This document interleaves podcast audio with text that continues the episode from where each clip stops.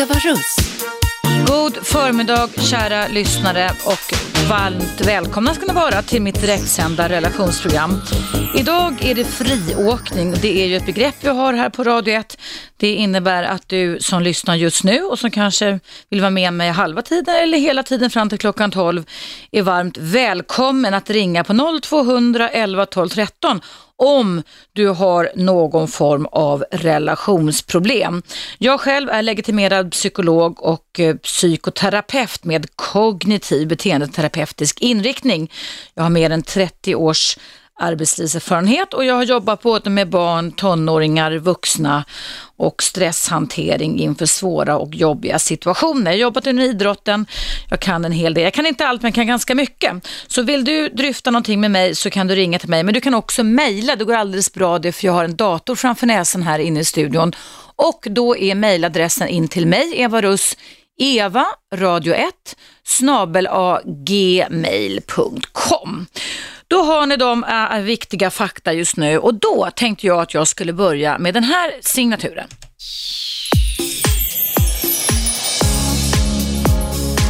Ögonöppnaren.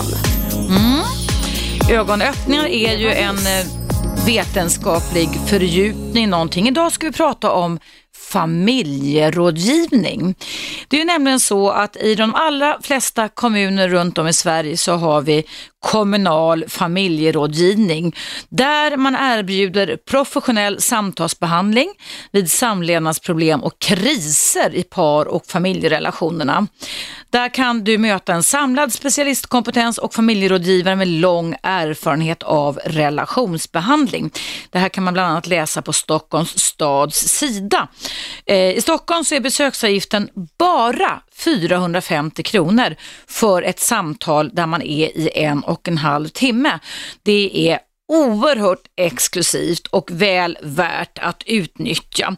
I dagens Svenska Dagbladet så står ett stort uppslag om att familjerådgivningen kommer att bli dyrare, att den tyvärr är på väg att haverera eftersom ersättningarna är för krassa för väldigt många rådgivare. Eh, det vore väldigt tragiskt om familjerådgivningen skulle försvinna för jag är övertygad om att man gör enormt bra insatser för alla de hjälpsökande par som kommer dit kanske med tankarna på att separera men som kan gå därifrån med nya tankar om att de kanske ska reparera. Snitttiden enligt Svenska Dagbladet på behandlingshjälp hos familjerådgivningen är 2,94 samtal, alltså tre timmars samtal.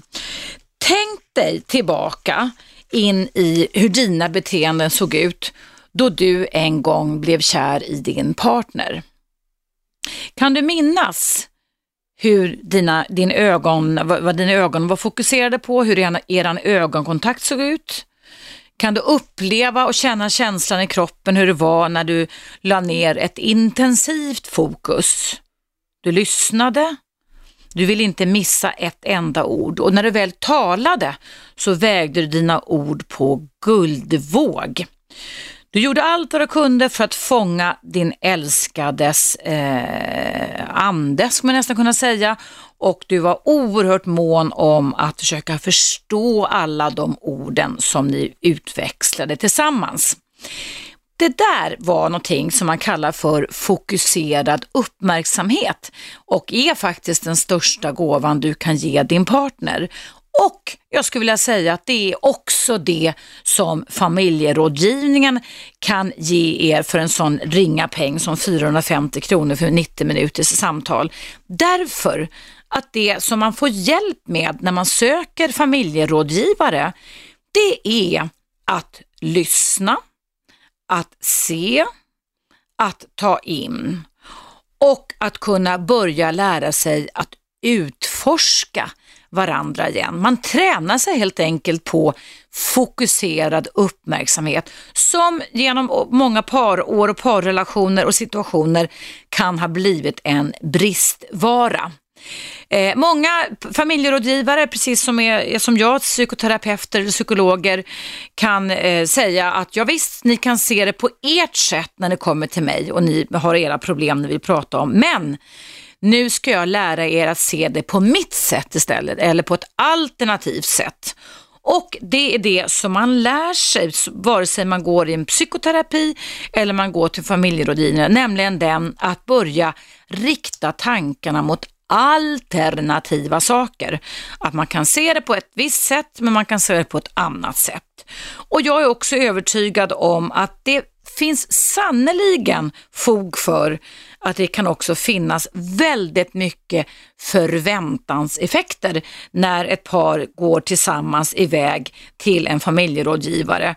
Eh, placeboeffekter känner du kanske till. Det handlar ju om att man en gång i tiden med sockerpiller sa till, som var helt verkningslösa sa till personer i ett antal större studier att om du tar den här tabletten så kommer din verk att gå över. Och jag är övertygad om att familjerådgivningen har det syftet. Det ligger bland annat ett inne i Stockholms stad i Vasaparken i ett fint gammalt hus där många par som vandrar genom Vasaparken säkert har en form av positiv förväntanseffekt, en placeboeffekt aktiverad inom sig där man hoppas på att den rådgivare man kommer träffa där inne kommer att kunna hjälpa paret. Och jag vill också då slå ett slag för familjerådgivning och säga det att det är väldigt, väldigt bra att gå på ett parsamtal innan någonting har hänt och även om det skulle vara så att det skulle kännas kört så vet jag och familjerådgivare vet också att i många, många, många fall så kan det vara de starka, frustrerade, ledsamma, överdrivna rädsla och panik och vredeskänslorna som kokar över i era känslomässiga system. Men när man då kan få öva sig på Just det, fokuserad uppmärksamhet. Precis den uppmärksamhet, den typ av uppmärksamhet som du gav din partner när ni en gång blev kära och förälskade i varandra så kan man mycket hända även på tre samtal. Eh, nästan alla kommuner i Sverige har familjerådgivning. I, Sver i Stockholm och, och Stockholms län och i Norrtälje så har man fritt antal samtal. Det kan man alltså gå mer än tre, fyra samtal. Men det står också i tidningen idag i Svenska Dagbladet att de flesta sätter en gräns på fem samtal. Lidingö och Vaxholm ger max fyra samtal och i Tyresö är det som mest tre samtal.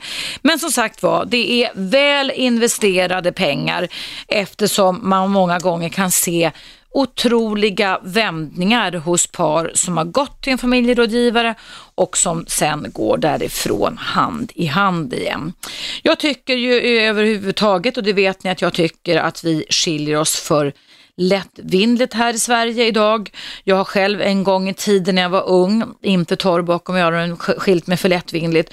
Och det är faktiskt någonting som jag eh, grämer mig över idag, även om inte jag är en ältande person, så tycker jag att vi bör ta oss en tankeställare till. För det är ju våra tankar om oss själva, andra och framtiden som ofta ställer till det för oss när vi ska göra någon slags riskbedömning, någon slags värdering om du och jag kan fortsätta tillsammans. Och träffar man då en tredje part som man kan göra på familjerådgivningen, alltså den kommunala, så kan man alltså få eh, andra ögon på problematiken man upplever. Man kan träna sig på att se på de upplevda problemen ur alternativa synvinklar.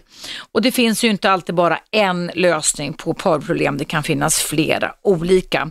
Så om det är så att ni känner att ni är på väg bort ifrån varandra så tycker jag ni ska passa på eh, att gå till familjerådgivningen och även om det skulle vara så att de är tvungna att höja priset, det står i tidningen idag att den kan ligga på 1250 kronor till och med 1450 kronor, så vill jag betona att det är väl investerade pengar för precis på samma sätt som du och din partner en gång investerade tid i att välja rätt, att välja varandra, göra ett bra urval, så kan det vara väl investerade pengar att investera både tid och pengar för att se till att man inte gör ett utval av varandra när man har levt länge tillsammans i en parrelation. Det är vad jag tycker kring familjerådgivning, så sök hjälp medans tid är och eh, lita på att de personer ni träffar där är proffsiga. Det som jag fastnade lite för och som jag hakade upp mig lite på dock när jag läste om Stockholms stads eh, familjerådgivning, det var det att det står att inga journaler förs och den som önskar kan vara anonym. Det är ju helt otroligt eftersom det ofta är så att det föreligger journaltvång när man har en yrkeslegitimation, vilket jag skulle tro att de flesta familjerådgivare har. Men det verkar då som att de har någon slags dispens där. Ja, eh, ring dit vet jag. 508 44 620 står det på hemsidan, Stockholms stads hemsida om du har trubbel i din relation. Det är aldrig för sent att investera i en familjerådgivning. Punkt för denna ögonöppnare idag. Jag tänker nu trycka på pausknappen för det är dags för en liten paus här på radiet. Men du som lyssnar nu är varmt välkommen att ringa in och ställa frågor som har med relationer och samlevnad, även psykisk ohälsa att göra. Numret rakt in till studion på Radio 1 är 0200 11 12 13 och jag som ska försöka besvara dina frågor heter Eva Russ. Vi hörs efter pausen som kommer här.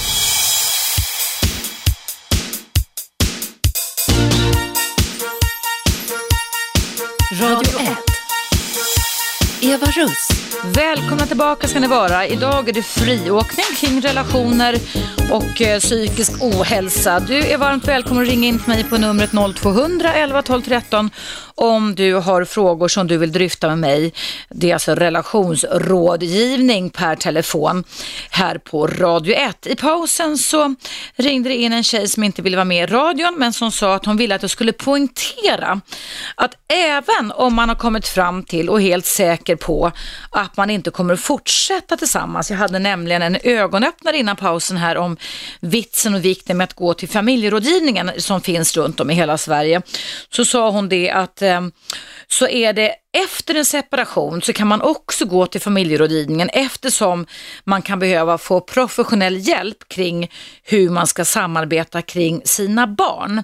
Så att eh, även om man då skiljer sig för att man säger eller upplever att man inte kan kommunicera med varandra med, med längre så kan man alltså få öva sig på det även efter att separationen är ett faktum. Så man kan alltså gå dit för att reparera där familjerådgivning eller att separera.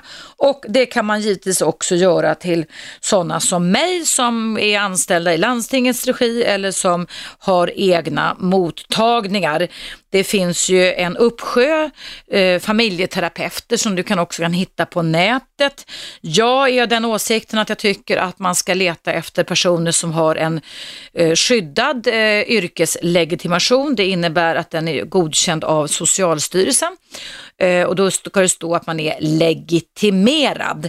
Det ger en kvalitetssäkring lite mer utöver det vanliga. Men visst kan det finnas jättemånga andra som kan vara bra på det med. Men eh, jag är jävig i detta fall eftersom jag själv är dubbellegitimerad och vet vilka strävanden och mycket, eh, hur mycket insatser man har fått göra och mycket koll man har fått gå igenom för att kunna vara den man är idag. Ja hörni, det är alltså friåkning. Har ni inga frågor som ni sitter och ruvar på? Det tror jag visst att du har. Du kan fråga mig om nästan allting. Jag kan inte svara på allt, men jag kanske kan hänvisa vidare då. Numret in till mig här på Radio 1 är 0200 11 12 13. 0200 11 12 13. Och jag kan också passa på att säga det. Jag får ju väldigt, väldigt många mejl här in till min mejladress på Radio 1 och väldigt många av de mejlen jag får är jättelånga. De är alltså mer eller mindre fullständigt otänkbara att jag ska kunna läsa upp här. Om du vill att jag ska läsa upp ditt mejl så ska du dels skriva i inledningen till det om du vill vara anonym och inte slutet på mejlet, men också korta ner det något. Eh, jag kan inte läsa upp flera sidor långa mejl, även om jag uppskattar att ni hör av er till mig så funkar inte det. Och jag kan också säga till, det är många som frågar och säger så här att de kollar på min hemsida, evarus.se heter den, och när, vad jag tar betalt för samtal och så vidare och när man kan boka tider. Och då är det faktiskt så att i år och denna vår så är jag helt fullknökad av mitt arbete här på Radio 1 och eh, jag håller på att skriva en ny relationsbok. Den skulle kommit ut i maj men på grund av min arbetsbörda så är den flyttad till utgivning i slutet på eh, augusti i år. Så all min lediga tid går åt till att planera radioprogrammen och att skriva på min bok. Eh, det står för övrigt om den i ta tidningen Tara den här veckan och där står att den kommer ut i maj men det är alltså fel, den kommer ut då i augusti. Ja, jag såg att det ringde här på displayen när jag satt och pratade. Ring en gång till vet jag, det är friåkning. Numret är 0200 11 12 13 och du är välkommen att vara anonym. Behöver absolut inte uppge ditt riktiga namn och du kan alltså ställa frågor som har med samspel, relationer, stresshantering, eh, stresshantering psykiska eller psykiatriska diagnoser att göra eller behandlingar. Eh, jag vill dock göra en viss avgränsning, nämligen den att jag är inte sexolog. Så jag kan och ska egentligen inte uttala mig om saker som är väldigt sexinriktade, annat än att jag givetvis kan förklara för er hur lust kan komma och lust kan gå eftersom det har väldigt mycket att göra med hur, vad hjärnan fokuserar på. Jag är själv väldigt uppdaterad på neurovetenskap. Det är någonting som är väldigt hett ämne i psykolog och psykoterapeutkretsar, psykiatrikerkretsar runt om i världen idag. Hjärnan skulle man kunna säga är i massivt fokus. Idag kan man alltså se in i våra hjärnor och både se var hatet finns, var det härbärgeras i hjärnan, men också var kärleken sitter. För kärleken sitter inte i hjärtat utan kärleken sitter i hjärnan inom oss. Idag gör man väldigt mycket eh, hjärnröntgen, man gör värmekameror, man kollar på bredden och på djupet och på tvärsen och kan idag förstå oss och våra beteenden betydligt, betydligt mer än vad man kunde för sådär hundra år sedan. Det var nämligen för ungefär hundra år sedan som psykologin som vetenskap började växa fram allt mer. Inte minst genom den eh, österrikiske läkaren Sigmund Freud som började jobba med tekniker för hypnos, alltså han utforskade det undermedvetna eller förmedvetna som man kallar det för, där han då kunde då bota människor som led av allehanda psykiatriska blockeringar eller låsningar. Sigmund Freud har ju kallats för psykologins fader. Och jag skulle vilja kalla det för att han är väl då den gamla, eller upptäckten av psykologin som vetenskap, det har han gjort en massa stordåd, men den vetenskap som idag, alltså som handlar om KBT och hjärnan, det skulle jag vilja säga då är Aron Beck som också då är en professor, eller lever fortfarande och är en professor från USA, som var den som kan man väl säga uppfann den kognitiva beteendeterapin som behandlingsmetod. Men innan dess så hade vi ju också några herrar som hette B.F. Skinner och Ivan Pavlov som jobbade med att titta på vad som händer när man förstärker olika saker. Och det ligger också som en grund när vi pratar om beteendeterapeutiska inriktningar, nämligen den att man måste se över vad du förstärker i dina relationer eller vad du förstärker i dig själv. Vi kan ju i, även i parrelationer hamna i en tankekultur som är oerhört, oerhört negativ, där vi kan förstärka allting oerhört negativt och därmed hamna i väldigt eh, negativa, mörka, svarta svarta känslor och tankar som gör att vi inte kan se något ljus i tunneln överhuvudtaget. Så förstärkningar av alla de slag som också kan bli till generaliseringar är nyckelord när man pratar om förändringar, inte bara i parrelationer, också inom oss själva. Ett exempel till exempel på det är ju när man pratar om människor som har vinnarskallar. Det är också ofta ett begrepp man pratar om inom idrotten. Jag har ju som du vet jobbat inom idrotten under 80 och 90-talen som psykolog. Och eh, där har man också kunnat se att eh, de som vinner väldigt mycket, alltså inom olika idrottsgrenar, har ett väldigt speciellt tänkande där man alltså lär sig att förstärka sig själv ständigt på ett väldigt positivt sätt. Man dammsuger sina prestationer, man lämnar inte någonting åt slumpen och man memorerar sina framsteg istället för att memorera sina misstag och misslyckanden. På så sätt kan en vinnarskalle byggas upp och på så sätt skulle egentligen du och jag kunna bygga upp våra vinnarskallar med eftersom det handlar väldigt mycket om vilken inre monolog eller dialog du har med dig själv eller med andra. Vad du ser och vad du väljer att lägga din uppmärksamhet på. Precis som i en familjerådgivning, precis som i en terapi så handlar det om vad du lägger ditt uppmärksamhetsfokus på. Du blir vad du tänker är en del som säger, du blir vad du äter, du blir vad du tänker och jag kan verkligen hålla med om det för att du kan verkligen bli vad du tänker. Sen kan vi ju ha drabbats av att du och jag under barndomen har fått väldigt mycket negativa förstärkningar av de som stod oss nära. Inte för så att det har varit en planerad illvilja, men det kan ha lett till att man sen tränar sig på den typen av tankestil när man är vuxen att hellre då identifiera de pessimistiska, de negativa skeendena i livet, för det är så det har känts. Det är så man har tränat sig på. Och det är också därför som det här med psykoterapi är så fantastiskt. Därför att, som jag brukar säga till klienter när jag jobbat med dem, att du har tränat det på ett visst sätt nu, men nu ska jag träna det på ett alternativt sätt, på ett annat sätt. Och jag skulle tro att det är också så som familjerådgivare i alla kommuner runt om i Sverige säger när par kommer dit i kris att nu har ni tränat det på ett visst sätt att se på er själva på det här sättet och nu ska jag träna er på ett annat sätt.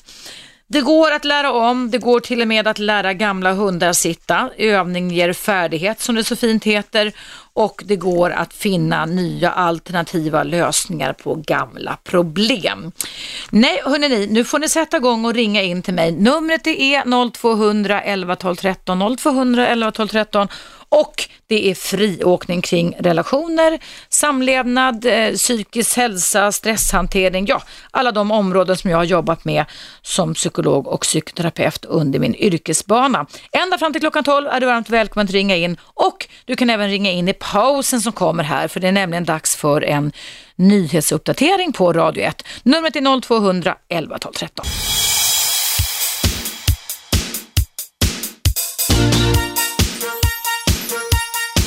Radio 1. Eva Russ. Varmt välkomna tillbaka. Idag kan du ringa in. Noll, numret är 0200 11 12 13 för det är friåkning. Och ämnena som jag kommer ta upp framöver det är både posttraumatisk stress. Jag har Jimmy, lokförare på vänt. Och sen så har jag en man här som vill prata med mig om sin relation. Ska vi se, hallå, är du kvar? Ja, jag är kvar. Hej, välkommen. Tack. Vad hade du för fråga du ville prata med mig om? Hallå? Hallå? Hallå? Oj då, ja, då var det någonting som försvann. Då får jag göra så, då tar jag in Jimmy så länge. Hallå Jimmy, är du kvar? Ja, jag lyssnar. Hej! Ja, han försvann den här mannen, det hände något med tråden där, eller hans eller min tråd, det vet jag inte vilket. Men du, berätta vad du har för fråga till mig.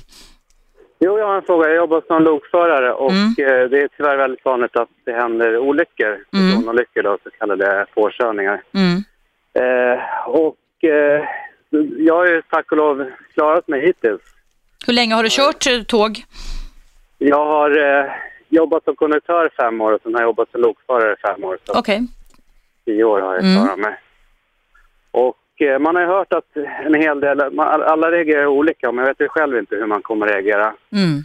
Och, eh, men det, det jag funderar över det är liksom det här värsta scenariot att man skulle få någon slags eh, stressliknande posttraumatisk stress Mm. och så vidare. Och eh, jag tänkte kolla med dig om det finns på något sätt man kan förbereda sig Mm. för det hemska då, så att Mm. säga.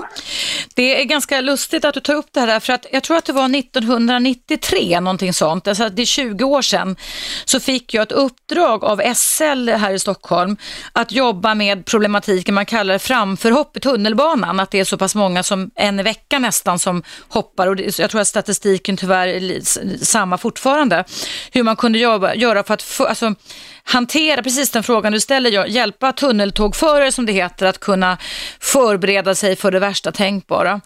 Och då stödde vi oss, det här är 20 år sedan vill jag säga, men då stödde vi oss på den forskning som fanns då, att man kan förbereda sig för, för svåra situationer och därmed öka stresstoleransen när någonting väl inträffa, förstår du? Och, och, det har man till exempel, vi stödde oss då i det projektet jag gick på till exempel NASA, alltså amerikanska rymdprogrammet. Hur förbereder man sig för det oväntade uppe i rymden när man aldrig varit uppe i rymden förut? Eh, eh, hur förbereder sig piketpoliser i Stockholm? Hur förbereder sig antiterroriststyrkan som man jobbade med inför det här? Och då handlar det väldigt mycket om att liksom försöka skapa sig någon slags generell attityd till att om det här händer så får jag först givetvis tänka som så att det här var inte mitt fel. För oftast, det är ju, jag vet inte hur ni resonerar inom SJ om ni har någon som hoppar framför tåget. Hur, vad har ni lärt er? Hur ser liksom policyn ut kring det, Jimmy? Jag kan berätta, jag jobbar för ett dotterbolag till SJ. Okej, okay, ja. Jag vet inte hur det funkar på SJ, men Nej. Eh, vi har inte fått någon utbildning alltså preventivt, men det är väldigt bra eh, rutiner kring, kring just de här olyckorna. Och, eh, när det väl har inträffat alltså? När det väl har ja. inträffat, ja precis. Då får man ju prata med psykolog och så vidare. Mm. Men jag tänkte liksom rent förebyggande om det finns på något mm. sätt. Eh. Nej, det, det, vi gjorde då för 20 år sedan och som det finns viss fakta för att det kan gälla fortfarande, det var då att man alltså får gå igenom att tänka sig in i att det här kanske en vacker dag kommer hända mig. Hur ska jag förhålla mig till det? Vad kan jag tänka? Så att man på ett sätt, det låter ju hemskt va, att kunna tänka sig in i en sån sak, skulle kunna normalisera för sig själv, alltså öka stresstoleransen för Motsatsen till det som du säger Jimmy, om när olyckan väl är framme, det är ju då att man kan drabbas av en mycket stark stresssituation som då blir traumatisk, eller hur? Alltså det är därför det heter posttraumatisk stress. Post betyder efteråt va? Och då skulle det finnas belägg för att man alltså i lugn och ro normaliserar att det här kan hända mig en dag och hur skulle jag kunna tänka kring det? Eh, men ja, det finns inget belägg för att det finns kopplingar, inte vad jag känner till idag, för att det blir så mycket bättre. Men det var vad vi trodde då för 20 år sedan när jag jobbade inom tunnelbana helt enkelt. Okay, okay. Men du går och tänker på det här förstår jag emellanåt eller?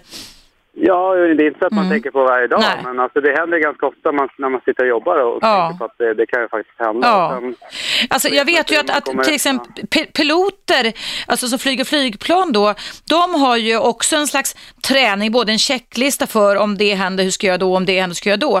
Och det är nästan lite samma sak va, så även som idrottsutövare som vi strävar eller är på toppnivå att göra, att man bygger upp alltså en alternativa scenarier, hur ska jag hantera det här då? Men det går ju givetvis aldrig att kunna sätta sig in i hur man kommer reagera den dagen. Nej, eh, men, men man kan i alla fall bygga upp en lite bättre stresstolerans tycker jag. Lite mer, om man ska kunna kalla det lite mer minskad sårbarhet kring det här att, att um, när det väl händer en sån här sak. För att, att uh, ni, kan ju, ni, ni, som kör tåg, ni kan ju inte svänga liksom, eller hur? Ni kan ju inte svänga bort.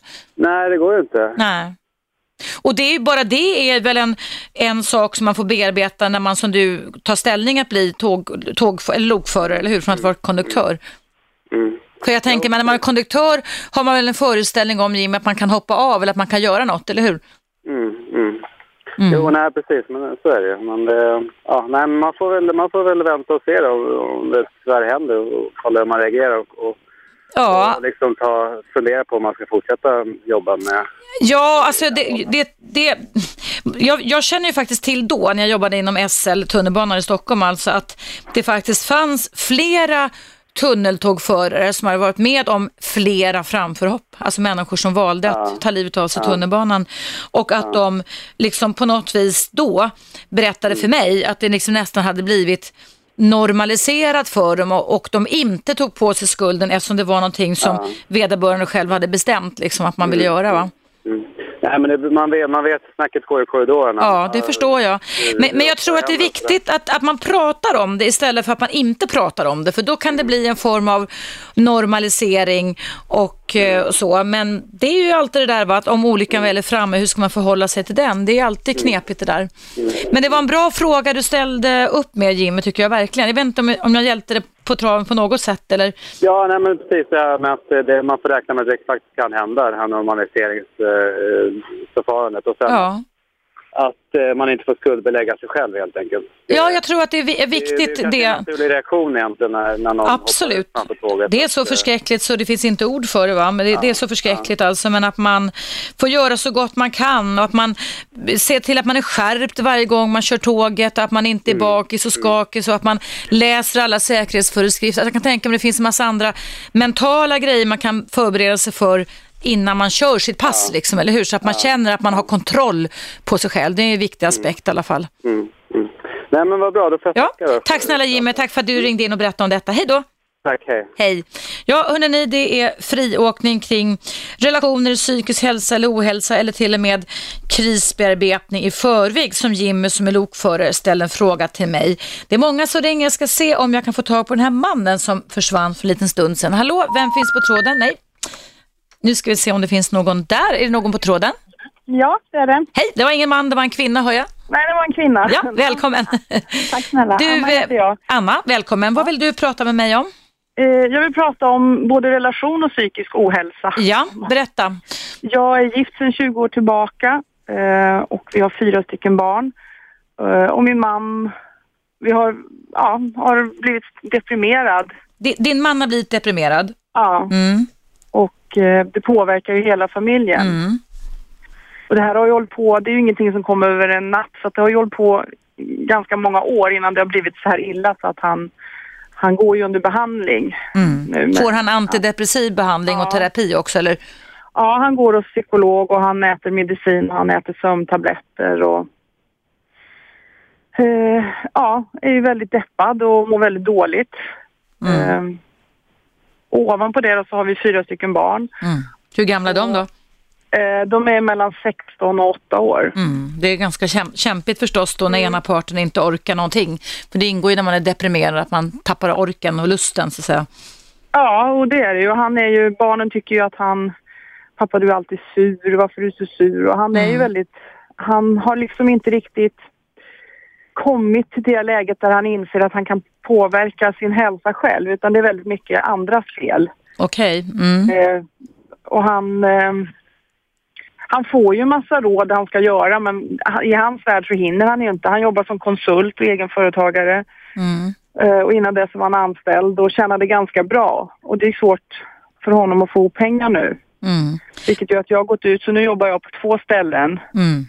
För att försöka få in eh, pengar. Men det blir väldigt tungt för det förväntas att jag ska ta hand om, om honom och ställa upp för honom. Mm. Och samtidigt ska jag liksom vara frisk och glad och ta hand om Mm. Det mina låter som att barn. du skulle behöva stöd också Anna, tycker jag. Ja, men det är ju liksom inget, allt handlar ju alltid bara om honom. Mm. Även när vi pratar så pra, pratar jag med honom så vi pratar ju aldrig normala saker utan vi pratar ju bara stora alltså beslut. Alltså vi har ingen vanlig sån vardagsprat. Men har ni haft det någon gång i tiden? Så att det blivit Ja. en förändring? Det har blivit, ni har haft det förut men nu Ja, har det min- inte längre? Nej. Nej men jag kan säga så här att min, jag hoppas ju så att min man ska komma tillbaka och bli den man han en gång var. Ja, Mm. men jag fastnade för en man som var glad och positiv och trygg och, och ja, vi Mm. kompletterade varandra perfekt. Mm. Och jag valde att stanna hemma med barnen och har då varit hemma nu i 16 år och han har jobbat. Och, Mm. och nu liksom är bitterheten blir ju mot, vänd mot oss också. Det är vi som har gjort slut på pengarna tycker han och Mm. vi är så dyra och Mm. Men du får fråga en sak Anna. Ja. Hur länge har din, sen hur lång tid tillbaka har din man fått diagnosen? Alltså när blev han diagnostiserad med en egentlig depression som det heter? eh, Hur länge ja, sedan ungefär? Jag tror att det är max ett år sedan kan det Mm. vara. Och det var av, av en läkare eller en Ja, psykiatriker? en psykolog. Ja, precis. En, en, ja, precis. så att han fick Så han- diagnosen? Ja, Ja. han gick till husläkare och sen Ja. har han slussats vidare. ja. Ja. Eh, Och de här eh, råden han har fått, skulle vi kunna prata lite om dem efter pausen? Har du tid att stanna kvar Anna eller? Ja, visst. För vi måste nämligen ta en liten, liten reklampaus här på Radio 1. Då, då kopplar jag in dig alldeles strax när reklampausen Okej. är över, Anna, så fortsätter vi prata. Och då ska jag säga till er som lyssnar då att idag är det friåkning kring relationer och psykisk ja, ohälsa. Och jag ska då fortsätta eh, samtalet i mitt program med Anna som har en man som har en depression där eh, han just nu i alla fall är inne i ett läge där han projicerar på alla andra och leder till en ganska bitsk och bitter stämning i familjen. Jag ska försöka hjälpa Anna att reda ut lite kring det här, vad de eventuellt skulle kunna göra. Så vi hörs efter pausen om du är intresserad av att höra fortsättningen på Annas och mitt samtal här på Radio 1.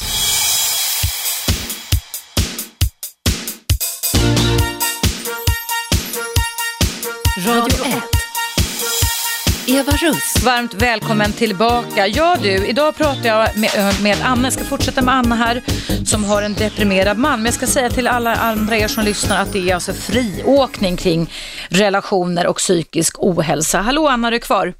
Ja, Tack. ja jag är kvar. Eh, jo, eh, du berättade att din man som du har levt med ungefär 20 års tid har fyra barn med, från 8 års ålder till 16 års ålder, har fått diagnosen egentlig depression för ett år sedan. Men du ser liksom ingen ljusning i mörkret utan han är ganska jobbig att leva med just nu för mm. både dig och barnen. Absolut.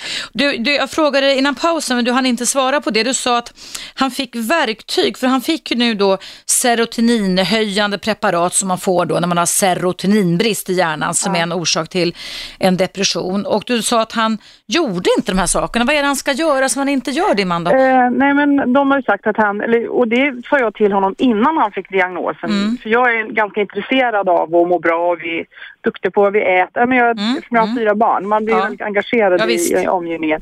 Så att jag var ju på honom ganska tidigt att han, är, han liksom motionerar inte, han är aldrig ute i friska luften och jag försökte, jag sa till honom att försök gå 30 minuter om dagen och lägg mm. in det som ett möte och gör det på morgonen istället för att ligga till sju, gå upp halv sju och gå en mm. promenad. Mm. Men han hinner inte. Han, han bara jobbar och mm. det blir ingenting gjort. Han ligger efter på jobbet därför att han sitter, förstår du? Du som mm. kan det förstår. Ja, då, jag förstår. Men du vet, det blir ingenting gjort. Nej, han sitter timme ut och timme in och ändå har han aldrig gjort alla de här presentationerna mm. eller vad han ska du, göra. Får jag fråga en sak Anna? Är det, eh, är det, tror du att det är svårt för din man att inse att han är lite försvagad på något sätt? Ja, det är det. Ja, det tror jag nog att det är. Att han, någonstans så vet han om det och någonstans mm. så har han ju fortfarande, han har ju mycket, han har ett väldigt stort bekräftelsebehov. Mm, mm. Och den kommer in, den väcker inte från oss i familjen, har aldrig gjort. Nej. Utan det är väldigt viktigt mer från människor utanför umgängeskretsen och mm, familjen. Det är mm. viktigt vad mannen på gatan tycker ja, förstår, eller vad chefen ja, tycker. Ja, eller... Ja. Och, och du behöver inte vara för privat här men jag bara tänkte säga, vad skulle en utlösande orsak kunna vara? Du sa att det hände saker som ledde till att din man fick en depression. Vad är det som har hänt? Är det förändringar i jobbet? Är det, förändring... det, för det blev förändringar i jobbet ja. Eh, och sedan så tappade han ganska mycket pengar på börsen. Och det var förluster av olika slag kan man säga, upplevda förluster. Som är oftast orsaker till att man kan uppleva en depression också faktiskt. Precis, och det, alltså det, och det är någonstans går han runt och tänker att får jag bara pengar och så mm, om jag jobbar mm. mer och får mer pengar då Om jag, jag bara så, ja. Och så kör han så det ryker så han riskerar kanske, skulle jag vilja säga, att aldrig ta sig ur den depressionen om man inte lägger om in en annan växel helt enkelt. Alltså. Nej, det, det, är jag rädd för och någonstans så känner jag så här att jag går ju runt, skulle jag veta mm. att han aldrig skulle bli frisk skulle jag lämna honom för jag för det tar så enormt mm. mycket på min mm. energi och på barnen och... Mm. Men du får fråga en sak, han går, sa du, regelbundet på psykologsamtal eller psykoterapi? Mm. Ja. Eh, jag tycker att du skulle be att få knacka dig in där faktiskt. Okej. Okay. Jag tycker att du skulle kunna säga till din man att nu är det så här, ja, du behöver inte säga att du ringt mig på radio, men du får göra som du vill, men säga att jag har rådgjort med en person som kan det här och det är faktiskt så att nu vill jag ge min version av hur, hur det här inte går framåt så att säga i vårat ja. liv. Va? Därför att en, en flexibel och bra behandlare kan faktiskt göra undantag och ta med sig motparten, alltså ens partner i en terapisession eller två, för att du kan ju ge den andra sidan av, av verkligheten som han kanske då inför terapeuten också inte vill visa. För att risken, nej, men det tror jag inte han gör. Nej, för risken med din mans beteende, jag känner igen det oftast, det är att man blir liksom högpresterande i terapin med och då lurar man ibland terapeuten eller psykologen med att allting är så bra, förstår du? Men så var för vi har mm. hos parrådgivare, ja. eller ja, sådana här eh, familjerådgivare som du pratar om. Och han är ju fantastisk där. Mm. Alltså, mm. Jag kan ju nästan själv tänka att gud, hon är ju gift med en fantastisk människa. Ja, ja. Och han låter, och sen så... hinner vi inte mer komma därifrån så, så liksom har han en kommentar ja. om att de där fattar ingenting. Han, han har alltså, det är hans akilleshäl kan man säga, din man det här, att, att han måste duga till varje pris och då kör han så det ryker även fast han är deprimerad och skiter i hemuppgifterna och blir egentligen fast i det här träsket. Ja. Så jag tycker att i och med att ni har valt att ingå i en familjeenhet, ni har valt att skaffa fyra barn och de är alla känsliga åldrar, så mm. tycker jag att det här är en familjeangelägenhet. Alltså. Det, det är ja. viktigt för er och då tycker jag att du ska säga att du vill, nästa gång han ska till den här psykologen, så, eller vem det nu är, att du vill följa med och säga att vi måste få andra uppgifter som jag också kan vara delaktig i som gör att vi kan se en förändring eller förbättring. Men även tycker jag att du kan ta upp din reflektion som fru, så att säga, Anna, kring det här då att han att, eh, som du ser utan att kränka honom, va? men säga det och det att jag upplever, du kan ju tala om vad du upplever så att säga, mm, jag ja, upplever precis. att det här inte går framåt liksom på, så. Och, och, att ju mer han kör så ryker desto längre bort kommer vi från varandra och desto mer egentligen, det skulle inte förvåna mig om man får höja dosen. Alltså jag har varit med om det med människor som har det här sättet att fungera på, förstår du? Så att man då får höja, man går upp i dos när man egentligen ska gå ner i dos okay. när man börjar med antidepressivt. Va? Vet du någonting om det? Om han har gått upp i dos? Ja, det har jag faktiskt ingen aning. Får du kolla lite tycker jag för att det är bara det, om det skulle vara så så är det liksom verkligen en indikation på att det är fel, fel, fel åtgärder som sätts in. Ja. Eh, så att när man går i behandling och äter serotoninhöjande tabletter, alltså psykofarmaka, då ska man gå ner i dos, inte upp i dos va? Ja. Och då, då, ska man också göra som terapeuten säger och så ska man byta terapeut om det är en kastterapeut. Det finns ju sådana okay. också. Så att jag tycker att det här angår familjen. Det här blir som en flodhäst i vardagsrummet när man pratar om människor som alkoholism. Alltså det blir en sjukdom som smetar sig över allt och alla. Jo, jag, det stämmer. Mm, men, men jag tycker du skulle kunna ha ett snack med era fyra barn och gärna ta med din man i det eller informera honom om det om han inte vill ha med och berätta för barnen hur en depressionssymptom ser ut. För jag vet inte om de mm. förstår det riktigt, barnen. Nej, det, jag tror inte riktigt att, alltså vi har aldrig ens pratat med Nej, Jag tror att du ska om... göra det, att förklara det att när man har en depression då, då har man alltså hamnat i oerhört negativa tankar om sig själv, andra och framtiden. Att hela ens inre är pessimistiskt och deppigt och att, att man, även om solen skiner så tycker man att det är grått där ute och så vidare. Du kan ju berätta för era barn som är i varierande åldrar i alla fall hur symptomen kan bli. Och du ja. kan ju slå på nätet på diagnostiska kriterier för en depression också och, och, säga det att det här måste vi prata om. Och det är därför ni, ni inte känner igen er pappa och det är därför han alltid eller oftast, eller väldigt ofta i alla fall, rackar ner på er och bara ser det negativa hela tiden. Jo, för det blir det. Den ja. äldsta sonen lider ju mest utav ja. det. Är det han som är 16 då? Eller? Ja, precis. Ja. Så att jag tror att ni måste göra det obegripliga begripligt. Alltså upp, lägg upp problemet på bordet, gör det identifierbart, berätta hur det är, få barnen att tänka på hur pappa var innan han blev deprimerad också så att de har minnet kvar av att det fanns en annan pappa som inte var så som han är idag. Liksom. Mm. Men säg också att din man bör vara med på detta va? därför att det här går för långt nu och han måste hitta någon slags väg för att kunna komma till rätta med sig själv. Om jag skulle ha haft din man i terapi och fått höra det här och säga att du kom till mig va, mm. då skulle jag ju fokusera terapin på hans självkänsla och självbild. För det är där någonstans boven i dravet ligger som du säger, att han hela tiden måste överkompensera som det heter som en livsstrategi. Och då blir man både utbränd och kan bli deprimerad när det sker förändringar i livet. Och då överkompenserar han inför er, han överkompenserar inför terapeuten så att säga. Och ja, ingen blir, inga blir nöjda liksom. För jag blir inte nöjd som terapeut heller om en patient som bara blir sämre och sämre. Nej, Nej, och man blir det påverkar ju familjen. Absolut. man blir liksom, jag säger ju även så här, men jag trodde på att han skulle bli frisk mm. och inte orka fortsätta. Ja. Det, Nej, alltså det, det blir ju... familjen fruktansvärt ja. mycket. Ja, och ett år är en ganska lång tid, men det kan ta den tiden också när man lider av en egentlig depression. Men jag tycker du ska underrätta om vad det är för behandling han får, både med tabletter ja. och med terapin och säga att du har hört det för att du faktiskt vill följa med därför att du, du, du roddar liksom hemmaplan nu när mannen håller på att jobba ihjäl sig för att han tror att han inte duger liksom. Och då måste... Jo, det blir så. Ja. All, all stöd vi får från mm. våra familjer och sådana mm. grejer handlar ju bara... Det är ju aldrig någon som frågar hur jag mår, Nej. utan det är ju bara... Och det blir, jag, så blir inte jag så trevlig. För jag tänker, Nej. kan någon se mig? Jag sliter och jag fick en hjärtinfarkt för ett år sedan. Oj, vad säger du? Ja, så, och, eh, så jag är liksom, och jag är väldigt påverkad av det här också, även om Ja. inte han tycker det. För Ja. jag, jag, jag håller ju en distans för att orka. Det förstår jag. Mm. Men risken är, du ser att det, det är en stressfull situation ni befinner er i och det kan till och med vara så illa så att du också kan riskera att bli lite deprimerad eftersom du just nu beskriver om dina negativa förväntningar inför livet och framtiden. Så jag tycker det var väldigt bra att du ringde in till mig och la, la upp problemet på bordet. Men tycker du att du fått någon rådgivning så du kan få nytta av tror du eller? Absolut, jättebra. Du får gärna höra av dig till mig sen. Jag har ju friåkning en gång i veckan, dock vet jag inte vilken dag. Det är lite olika, men, men du kan ju alltid kolla på webben på Radio 1 vilka program eller ämnen jag har.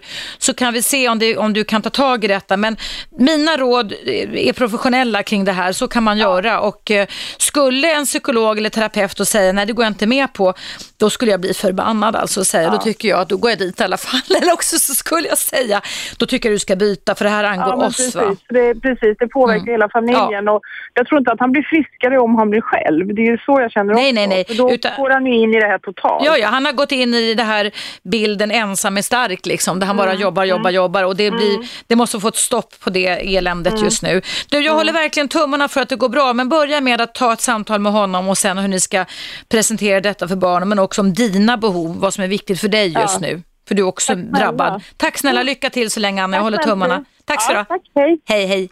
Ja, Anna, jag önskar dig verkligen lycka till.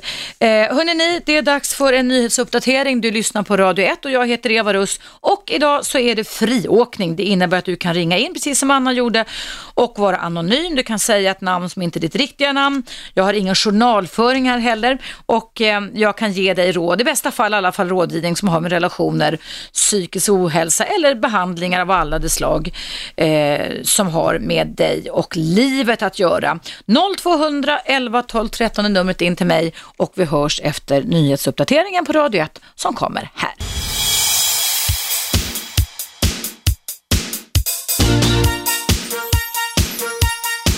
Radio 1. Eva Russ. Hej och välkommen tillbaka. Idag är det friåkning kring relationer, samlevnad och psykisk hälsa eller ohälsa. Numret är 0200 11 12 13 där jag kan försöka coacha dig och ge dig rådgivning så gott det går. Det är några stycken inringare här. Vi ska se vem som finns på tråden. Nej, då hann du lagga på. Ring en gång till. Det var väldigt många som ringde här i pausen. Och eh, nu ska vi se. Nu är det någon på tråden. Hallå, vem är där?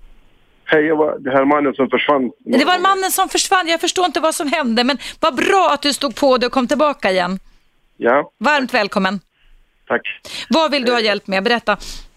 Eh, Jag är på radio nu eller? Ja, Jaha, jag tänkte på pausen. ja, nej, nu, du, vill, vill du inte fortsätta då, eller? Ja, jag, jag, jag vill fortsätta. Ja, jag, jag, jag behöver inte faktiskt så hjälp, men jag bara var förut, eh, någon 15 eller 20 år sedan jag behövde hjälp. Men jag hittade min eh, nära och kära och fru och eh, då, vi har inga problem med att relatera med varandra. Nej, vad bra. Ganska länge nu, 15 år. Och så, Det var roligt att höra, för det, det är nästan tvärtom vad många andra brukar uppleva och ha det. Ja, precis. Men vi hade, jag och hon, även när vi levde separat, som kände Mm. inte varandra, vi hade precis samma problem. Och problemen innebär att eh, vi hade problem att relatera med andra människor, till exempel. Om vi, har, om vi hamnar i någon eh, grupp av människor, till exempel på jobbet eller någonstans, Mm.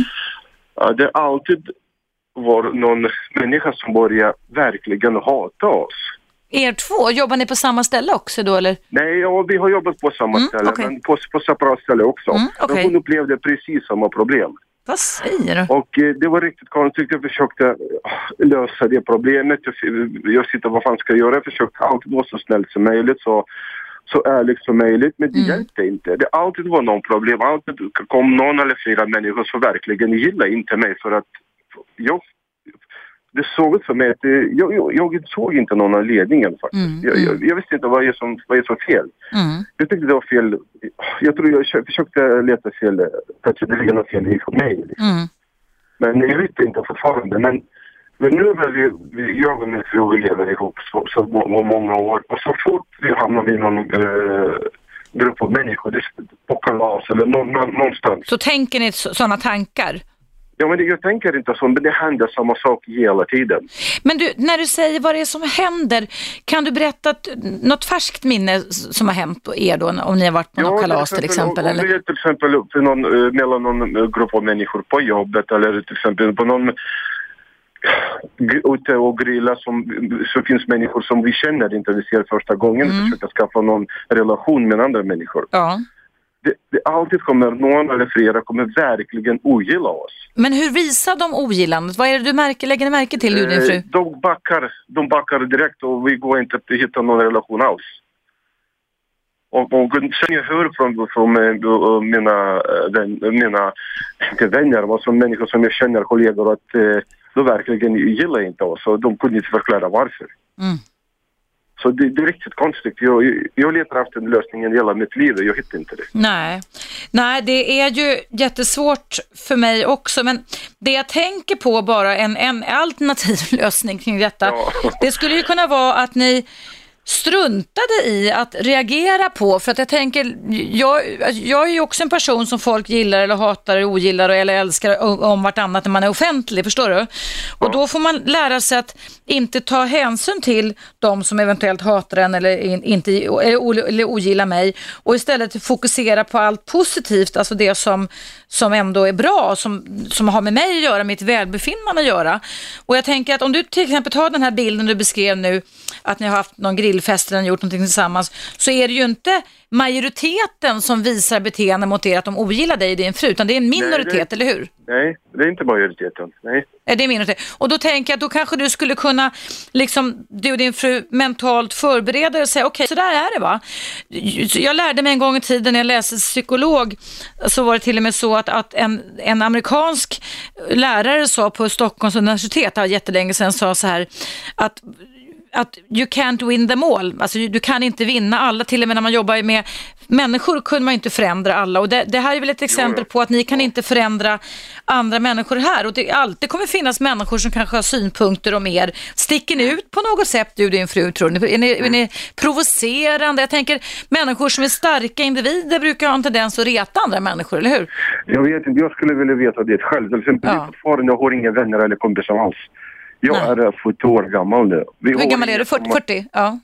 Ja, vi har inga... Till exempel, det finns människor som hatar oss mm. eller ogillar oss. Ja. Eller det finns människor som, som struntar oss bara. Ja. De vill inte komma nära. Nej. Men ni har ju också vänner som du går på grillfester som gillar Nej. er, eller hur? det har vi inte. Har ni inga vänner alls som gillar er? Nej, absolut inte. Mm. Vi har bara anhöriga, så vad heter släkt. Ja, just det, som är, ja just det, ja. ja. det, det... det var, vår grillfester vi har anhöriga eller släktingar som, mm. som är, annars men, men, va, men du, vad skulle hända om du och din fru enskilt eller tillsammans bjöd hem folk till er? Att ni började välja de vänner som ni vill ha då? Att ni vänder på steken lite liksom?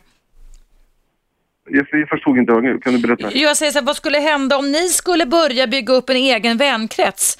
Alltså att ni struntar ja. i de som visar ogillande, skiter dem och istället börjar ja, liksom titta på de som ni känner vänliga vibbar med på jobbet och så vidare och fråga om de vill komma hem till er till exempel. Ni kan ju ta ja, jag, saken jag i egna händer menar jag. Vi verkligen försöker göra det. Ja. Men uh, vi hittar, det är inte så att vi hittar det aldrig, men vi hittar, men det, det tar två veckor tid mm. och de bara försvinner. Ja, ja, okej. Okay. Ja.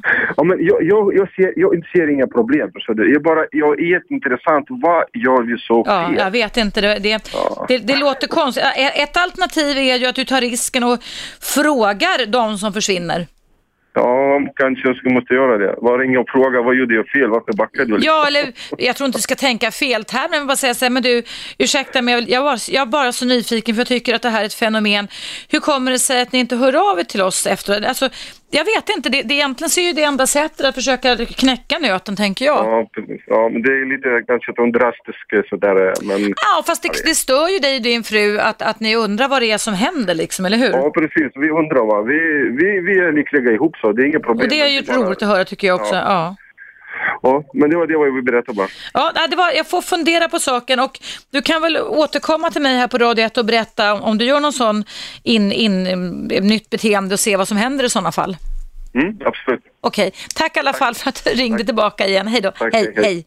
Ja, det är ju en del problem som är lite mysko. Och som sagt var det här att människor eh, drar sig undan och ogillar den. Det är givetvis en väldigt be- obehaglig tanke och känsla och situation. Det har jag verkligen all respekt för.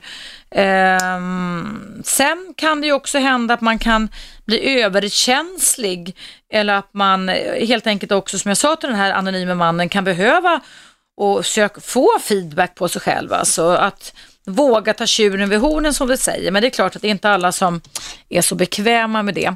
Eh, nu ska vi se vilka det är som ringer in här till mig, Eva Rust på Radio 1. Hallå, vem finns på tråden? Hej Eva. Hej, vad heter du? Hej. Eh, jag heter Maxine Maxine, hej. och eh, jag har en fråga som gäller en ma- mor och dotterrelationer. Ja, Jag undrar dels för att jag har ingen kontakt med min mamma själv sedan Nej. jag var 15 år. oj då. Och jag är Mm. adopterad och jag, und- och jag, jag själv är en dotter och ska få ett barn till. Mm. Och jag undrar lite hur, vad får en mamma att liksom, för jag tänker på mina egna barn. Mm. och hur man, jag skulle aldrig liksom ge upp och vara mamma.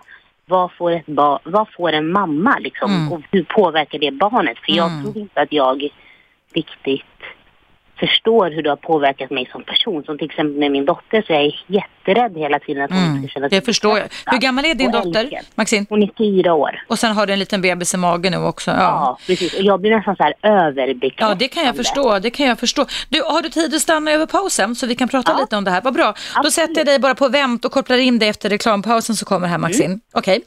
Bra, då ska jag fortsätta prata med Maxine. Och eh, om du vill höra vårt samtal här på Radio 1, vad är det som får en mamma till att avsäga sig sitt moderskap, så tycker jag du ska stanna kvar och fortsätta att lyssna på mitt program Eva Russ.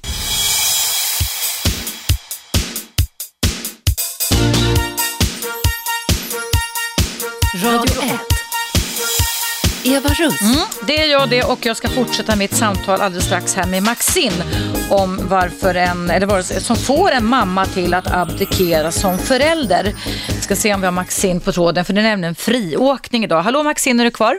Ja, jag är kvar. Jag är kvar. Du, eh, du berättade innan pausen att du själv är mm, snart tvåbarnsmamma. Du har en liten bebis i magen och en fyraårig dotter.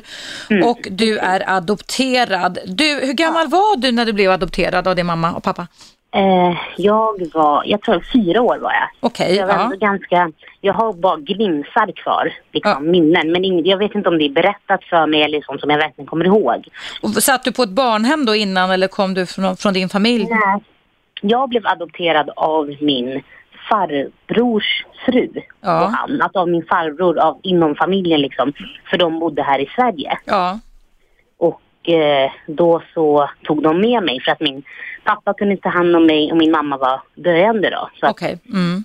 så att mina systrar är mina biologiska kusiner. Okej. Man Så, så. så farbrors fru, är det, det den mamma nu som har abdikerat från dig? Ja, precis. Okej. precis. Och då var du fyra år när du kom till hennes famn om man säger så?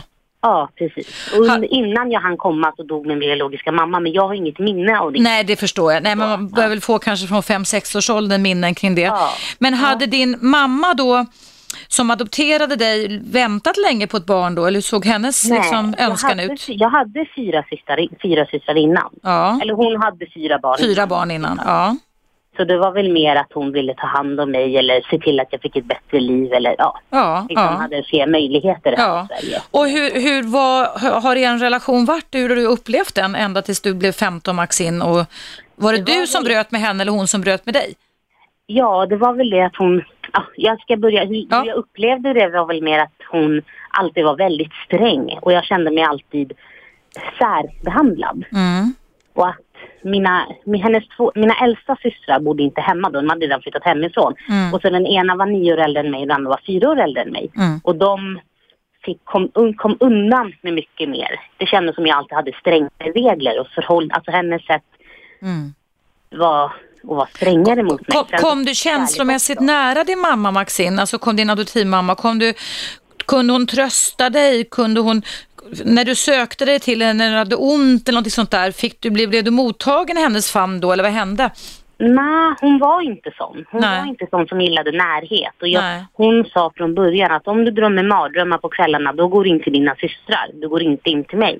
Och jag Okej. var alltså, så det är ju ganska onormalt när man är fem år och vill gå in till sin... Ja, man Ja, går ju till sin mamma eller till den Ja, men vuxna. precis. Ja. Men det visste jag direkt att så var det inte. Utan hon visade ju kärlek på det sätt hon kunde, tror jag. Men det var inte det här, inte den kärleken som jag delar med min dotter. Eller närheten. Mm. Som du upplever själv? Nej. Nej, verkligen. Hade du, men hade du någon adoptivpappa då som kunde fylla upp andra delen? Eller? Nej, de skilde sig i samma veva. Så det var ju bara hon då som ja, var vårdnadshavare. Och vad hände sen under din uppväxt Maxine med den här? Eh, när jag var 15 där så träffade jag en kille Mm. och blev kär. Och eh, då så sa hon till mig att jag får välja mellan honom och henne.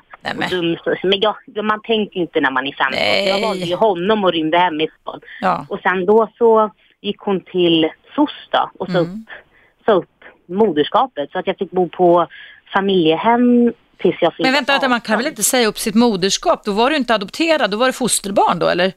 Nej, alltså hon, hon sa upp ansvaret för mig. Så SOS fick ta hoppa in. Jaha, Hon de sa- tog över enligt lag, ja, just det, precis. Ja, Ja. Alltså hon Mm. var fortfarande min mamma. Ja, Alltså, just det, men, hon, men hon sa upp vårdnaden lades Ja, över till SOS istället. Ja. Exakt så. Och det var inte så att det handlade om att jag svävade ut och tog droger eller det var bara ett tonårs, alltså nu Mm. i vuxna ögon så tycker jag det var skittöntigt. Hur länge var du borta då, Maxine? Nej men det var väl en vecka. Okej. Det var inte ens... Nej. det, var, Nej. Det var ingen stor... Det är väl sånt som är det normala skiten. Du, jag, jag känner jättemånga kollegor till mig som är framstående professorer och psykologer som gjort samma sak när de var 14 och 15 år. Så Ja, men alltså, det behöver inte det betyda att man är knäpp på något sätt. Nej, nej.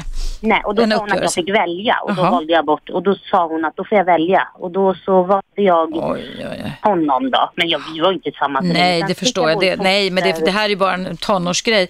Och vad har hänt efter det då? Alltså, har din kallhamrade, känslokalla mamma, adoptivmamma, inte gjort något enda försök att kontakta Nej. dig sen, det, sen dess, eller? Nej, jag försökte kontakta henne för fyra år sedan. Fyra och ett halvt år sedan när jag var gravid. Mm. Men hon hade inget intresse. Och sen så mina systrar har jag kontakt med. Ja. Och hennes dotter är lika gammal som min dotter. Ja. Och hon bor en kvart ifrån mig och de träffas regelbundet. Men hon vill inte ha med mig att göra. Och då undrar jag liksom vad, även om man är adoptivförälder, för jag kan Mm. tänka mig själv om jag liksom går, går in i och tar mig an ett barn och lovar att älska det Ja. och ta hand om det och beskydda det så skulle Ja. jag aldrig kunna ge upp det. Nej. Det finns ingenting. Alltså eh, om en, om en bränner upp mitt hus Ja. mig Nej, jag förstår det. Ja. säga nej men jag vill inte ha det längre. Mm. Nej, alltså jag, jag vet ju inte, men det jag hör, det jag lystrar till lite Maxine, det är att du beskriver en kvinna som egentligen inte har brunnit speciellt mycket för att få ett femte barn om du förstår mig rätt va? Ja, Men som, ja. som säkerligen då i ett ögonblick kände att nej men det är klart hon ska göra men det här var, var ju liksom inget hon har gått och längtat och trängtat efter som många adoptivföräldrar gör som verkligen har liksom barn på högsta agendan på något sätt va? Och sen det i kombination med att hon inte liksom var varken mentalt förberedd, inte hade lust att knyta an. Och hon hade ett kargt sätt, då kan man väl kalla det för, känslomässigt kargt sätt, ledde till att det blev ingen direkt anknytning tycker jag, som den du beskriver mellan dig och din lilla flicka. Förstår Nej, du? Det blev ingen anknytning. Det, ni blev aldrig kära i varandra. Du blev kär i henne men hon blev aldrig kär i dig. Om man nu ska prata om ja. hur, hur anknytningsprocessen ska upplevas. Att man blir kära i varandra liksom. Ja men precis, att man känner den där, alltså det här djupa Mm. Ja. kärleken som man känner Ja. inget Som du säger, att man kan dö för varandra nästan. Det känner man ju när man Ja, är nybliven förälder och det känner man för sitt adoptivbarn och det gör man. Så det låter som att hon liksom gick in i detta med helt andra förutsättningar och då när det gäller separationer, för Mm. Anknytningssystemet är till för att undvika separation, alltså undvika brustna band kan man säga. Ja, Så, så, för då, då, får, då blir vi alldeles knäckta alltså om, vi, om vi tappar bort ungen på savannen eller tappar bort varandra. Så visar ju också din adoptivmammas reaktion när du var 15 en ytterst kall. Va? Alltså hon tog med dig med tång tyvärr och bara sket i dig fullständigt, ursäkta uttrycket. ja. Liksom, ja va? men precis. Ja, och det, det, då tycker jag då att det där har ju med henne att göra, så att det är ju fantastiskt ändå att du har hittat, hoppas jag, en bra person du lever med nu, en man, eller? Ja, absolut. Ja. absolut. Och att du också har själv förmågan att knyta an till din lilla flicka och att du snart ska ha ett barn till. Att du inte liksom har blivit bränd av det där. För det finns ju en viss risk att man kan bli ganska deprimerad och traumatiserad av en sån här uppväxt. Fast jag var nog så inne på survival mode. Ja, de där ja överlevnad ja. ja. Ja, så jag bara körde och plugga och jobba och liksom ja. till att hon ska inte kunna se att jag inte har klarat mig utan henne. Är det något jag har gjort i livet så är det och liksom för mig själv och jag mm. har byggt upp det själv. Mm. Så det var nog mer så, men jag bara tänkte liksom hur för jag satt och med min syster och vi pratade om hur det påverkar mm. en. Mm. Och hur jag är mot mina barn. För hon kan tycka att jag är väldigt så här... Överbeskyddande. Jag, ja, mm. men in, inte överbeskyddande när det gäller att hon ska ramla och slå sig. Men Nej. det här att jag är så rädd att hon ska känna sig lämnad. Ja, och, och det, det, är ju självklart. livrädd. Ja, du kompenserar ju för det som du själv inte fick. Och det är bra att du också är medveten om det tycker jag Maxine. Och att du ibland tänker dig för så att du inte hämmar ditt barn för mycket. Förstår du? Alltså, det, alltså jag säger inte att du gör det, men det finns nej, en risk ja. att man kan göra det. Va? Ja. Men, men att du har hittat en sund relation är bra. Men jag tänkte bara fråga en sista fråga. Hur ja. reagerar resten av släkten då? Alltså, din adoptivmamma blev ju som du sa din farbrors fru. Farbror då och alla andra släktingar, hur har de alltså, hanterat aldrig, det här? Han har aldrig varit närvarande. Nej. Liksom. Det är ett släktdrag kan man säga då lite. Ja. Mm.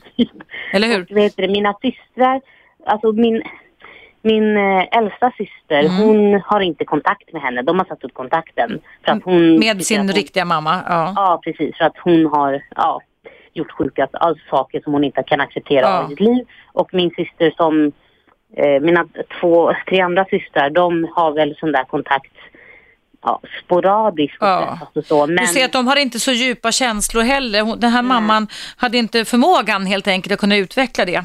Nej, och då jag tror att det inte handlar, jag har kommit till ro med att jag söker ingenting där. Nej. Man, är, man är ändå rädd att föra över det ja. till sina egna barn. Men, men, det, det, men det du beskriver för mig, det är en sund och normal och helt naturlig anknytningsprocess som du har till din lilla flicka. Och när ska du ha ja. ditt andra barn, Maxine? I september. I september, så det är lite färskt om man säger så det hela. Ja. men hörru du, eh, lever du en bra parrelation också? Ja, oh ja. Jag har träffat mannen i mitt liv. Ja. Det har jag verkligen. Och han är kärleksfull och om, om han är kärleksfull ni knyter an till varandra nära också hoppas jag. Ja. Det gör vi verkligen. Och det har varit jätteviktigt för mig att hitta en sån som Absolut. står vid min sida i alla väder. Absolut. Det har varit jätteviktigt för mig att ha någon som jag verkligen kan räkna med eftersom jag inte har växt upp med det. Mm. Mm. Så det har varit liksom A och O för att jag ska kunna gå in i en relation och känna mig trygg. Mm. Du har gjort ett bra urval och vet du vad det goda med det här urvalet är? Att forskning idag, Maxine, säger att gör man ett bra urval och träffar en partner som står för det här som man inte fick själv, så har man läkt sina anknytningssår inom loppet av max fem år ungefär. Jaha. Så det, det, har du gjort nu. ja, jag hoppas det. jo, så det, alltså det sker en, precis som man kan läka anknytningsotryggheten och såren i en terapi, så kan okay. alltså en god parrelation där ena parten ja. står för det som man själv inte ja. riktigt fick så kan man liksom bli smittad på positivt sätt så att till och med ja. alltså ens reaktioner blir inte sådär mm, att du tar i för mycket eller blir klängiga eller rädda som det kanske ja. en gång var, eller hur? Nej, jag har nästan varit tvärtom att mm. jag har sagt när vi i början när vi träffades och vi har bråkat att men gå då. Ja, du, du reder dig själv istället ja. Ja, ja men precis. Det är klassiskt beteende. Man kan, man kan bli alltså distanserad, att man hellre väljer distans och man kan bli klängig. Det är också de oftast vanligaste sätten i olika varierande grad kan man kalla det för. Men du, det här var ju ändå, det var en tråkig historia men det var ju ändå en glad nyhet att det har gått så pass ja. bra för dig i ditt liv. Jag tror att du hjälper väldigt många som kanske har upplevt samma sak för det är ju väldigt många här i Sverige som är med om samma sak men jag skulle tro att de allra flesta ändå Ja. när man blir adopterad eh, får en förälder som är överengagerad nästan, förstår du? Ja, ja men precis precis. Och, det borde släpp... bli så det borde bli. Ja, ja, det borde bli så, eller hur? Men jag vet, jag har, vet, det lär ha kommit ut någon bok eh, på Norstedts förlag, nu kommer jag inte ihåg vad den hette, skriven av en tjej som blev adopterad också, som har brutit med sina adoptivföräldrar därför att hon tycker att hon blev så illa bemött. Va? Så att visst, det finns ju sån variation även ja. i normal population, att det finns bra eller dåliga föräldrar, eller hur? Alltså, det ja, gör det ju faktiskt, tyvärr. Absolut. Och jag har fått lärt mig att man älskar från den förmåga man kan och hon kanske inte kunde. Hon kunde inte bättre. Nej, hon hade inte det och det var ett kargt drag i din adoptivmammas släkt med och hon kanske trodde att hon skulle kunna förmå mer än vad hon i verkligheten kunde. Förstår Hon kanske överskattade sig själv, sin egen ork och förmåga också. Men det är hemskt tråkigt att det gick på bekostnad över din barndom tycker jag. Men du har ju roddat ja. upp det där väldigt bra. Jag håller verkligen tummarna för att allting går bra för dig nu Maxine och att det går bra för bebisen som växer i magen också. Ja, men det ska det nog göra. Tack för att du ville berätta din historia Tack till mig. Tack för dina svar. Mm, varsågod. Ha det jättebra. Okay. Hej då. Hej, hej. hej. Ja, eh, det var Maxim det. Eh, om du som är nytillkommen lyssnare vill höra hela vårt samtal i repris så går det bra att gå in eh, klockan 19.00 ikväll. På vardagar så sänds mitt program Eva Rust i sin helhet i repris. Sen finns det också en del viktiga samtal i våran podcast och du kan också gå in på webbsidan och titta vad programmen innehöll. Och idag så är programinnehållet nämligen friåkning. Det är därför som eh, ämnena kan bölja ganska friskt här. Det handlar om depression, deprimerade män och det handlar om eh, föräldrar som abdikerar från sitt föräldraskap. Det som jag hade samtalet med Maxine just nu. Har du någonting som du känner att det här måste jag prata med Eva om, då är du varmt välkommen att ringa in till mig. Det blir en paus här, en nyhetsuppdatering på Radio 1, men det hindrar inte mig ifrån att greppa luren om du ringer nu. Numret är 0200 11 12 13. Vi hörs efter nyheterna som kommer här.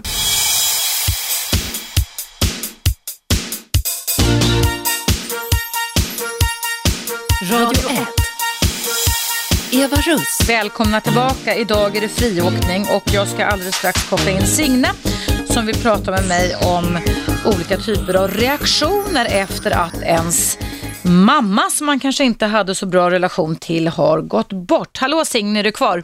Ja, jag är här. Välkommen. Tack. Du berättade för mig i pausen att din åldriga mamma, kanske man ska säga då, gick bort i somras. Ja, det gjorde det. Och du hade inte så bra relation med henne lät det som. Jo, det hade vi väl, men äh, inte sista dagen för då kom all, allt negativt ut över mig och äh, jag vet inte vad som hände. Och jag hann aldrig försvara mig. Vi hann aldrig, vi hann aldrig diskutera igenom saker och ting, vad, vad, vad det handlade om. Mm. Vad sa din mamma till dig? Ja, hon sa nu att jag var liksom svarta fåret i släkten och det var massa saker. Och, och, det var något som du aldrig hade hört förut, eller? Nej. Med din mamma? Ingenting? Nej. Du hade upplevt er relation som bra? Ja, men jag hade hela tiden tänkt på henne, vad vi ska göra och... och Vart till lags mycket kanske? Ja. ja, precis. Jag försökte vara henne till lags och göra henne så mycket som mm. möjligt mm. till lags. Och, det måste ju vara en förfärlig chock då att när ens förälder strax innan de dör säger saker som är ganska förfärliga och kränkande. Ja, säga sin, eller hur? ja, det har känt mig. Mm. Och eh, det har varit jättejobbigt. Jag mm. kunde ju aldrig, jag kunde aldrig få något svar på Nej. det. Så det får jag leva med. Mm. Och eh, sen eh, efteråt, eh, jo jag försökte och, och, och, kämpa men, men nu har det kommit. Mm. Ni, nio månader efter din mammas frånfälle ja, alltså? Mm. Ja, och det, alltså jag har ju, min son han mår ju inte bra heller. Nej. Vad är det som har kommit då Signe? Hur mår du? Jag har blivit så ilsken. Mm. kan jag förstå.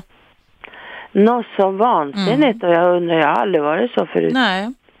Men någonstans måste ju reaktionerna komma upp till ytan. Du vet, när man pratar om sorgebearbetning så pratar man ju om, eller krisbearbetning, om kriskurvans fyra olika faser. Den första chock. Ja, det kan jag. Ja, den andra är Bearbe eller reaktion och sen bearbetning och nyorientering. Och så acceptering. Acceptansen, precis. Ja, det, det kan jag. Ja, så det, det, kan ju faktiskt vara så att du själv kan bedöma var du befinner dig just nu då, Signe, på den kurvan. Ja, det vet jag faktiskt inte. Mm. Om jag håller på att bearbeta och är inne i acceptans. Ja, inte, ja, till, du är inte i acceptans ens, men nu när du är så här fly förbannad så är du inne i någonstans skulle jag säga reaktions och bearbetningsfasen.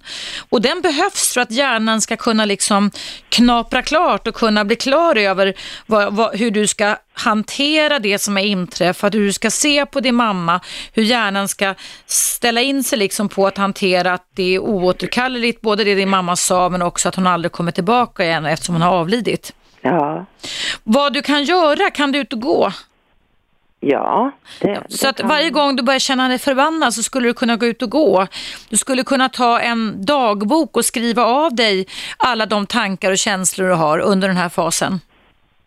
Ja, det har jag också förstått, alltså, mm. jag har tänkt. Ja, och sen så kan du när det lugnat ner sig, för det blir en slags tömningsfunktion, så kan du efteråt titta på vad du har skrivit och se om det i sådana fall kan hjälpa dig och vägleda dig framåt på något sätt kring hur du ska se kring olika saker. För att du behöver ju inte leva med den, de hemskheter som din mamma sa det känns så just nu Signe, alltså som hon sa på sin dödsbädd. Ja. Men du kan däremot bestämma Nej, hon Sa det, hon sa det eh, dagen innan hon kunde, alltså hon kunde ju inte prata mera. Nej, men, men, men, ja, ja, ja. men, men jag tänker att du kan ju bestämma dig själv för vad du tycker om det. Alltså, vad tycker du om din mammas agerande? Man har ju faktiskt också rätt att ibland vara förbannad på de som har gått bort.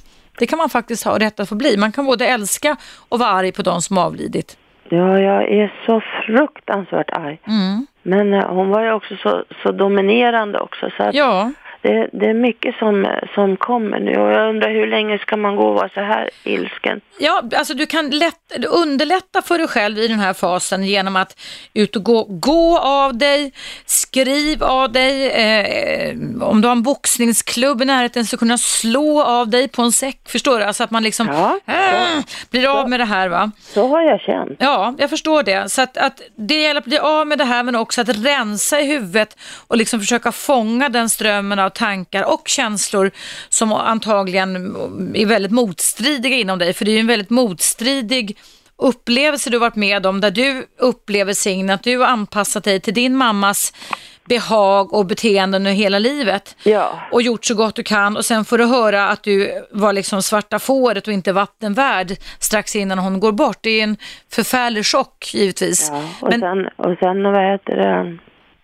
Sen så fick, var jag ju tvungen att börja lära mig att tänka på mig själv plötsligt. Ja, jag menar det, när du varit din mamma till lag så pass länge. Ja. ja. och då gick det jättebra ett halvår tills nu. Mm. Men det här är en reaktion och en fas du ska igenom och du ska fortsätta tänka på dig själv men du kan också fortsätta att börja liksom ställa frågan, vad tycker jag om mammas agerande? Vad tycker jag om hur, om hur hon var under uppväxten? För du hade ju liksom, såg ingen annan lösning då än att du var tvungen att vara till lags, eller hur? Ja. Men vad tycker du om det nu? Vad tyckte du om det? Alltså man kan... Jag tycker det är förfärligt. Ja, då kan du hålla fast vid det lite och tycka det var förfärligt det min mamma utsatte sig för. Du kanske kan fundera på vad det var i hennes personlighet som kan vara en orsak till att hon gjorde som hon gjorde.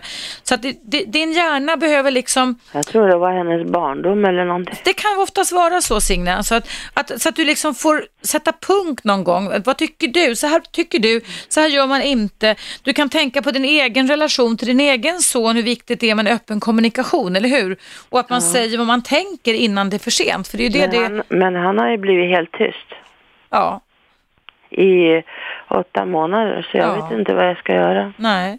Men försöker du knacka dig in där och prata med honom då?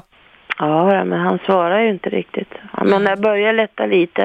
Mm. Han är ju i chockfas. Ja. Alltså, Stod han mormor nära då eller? Ja, ja. Mm.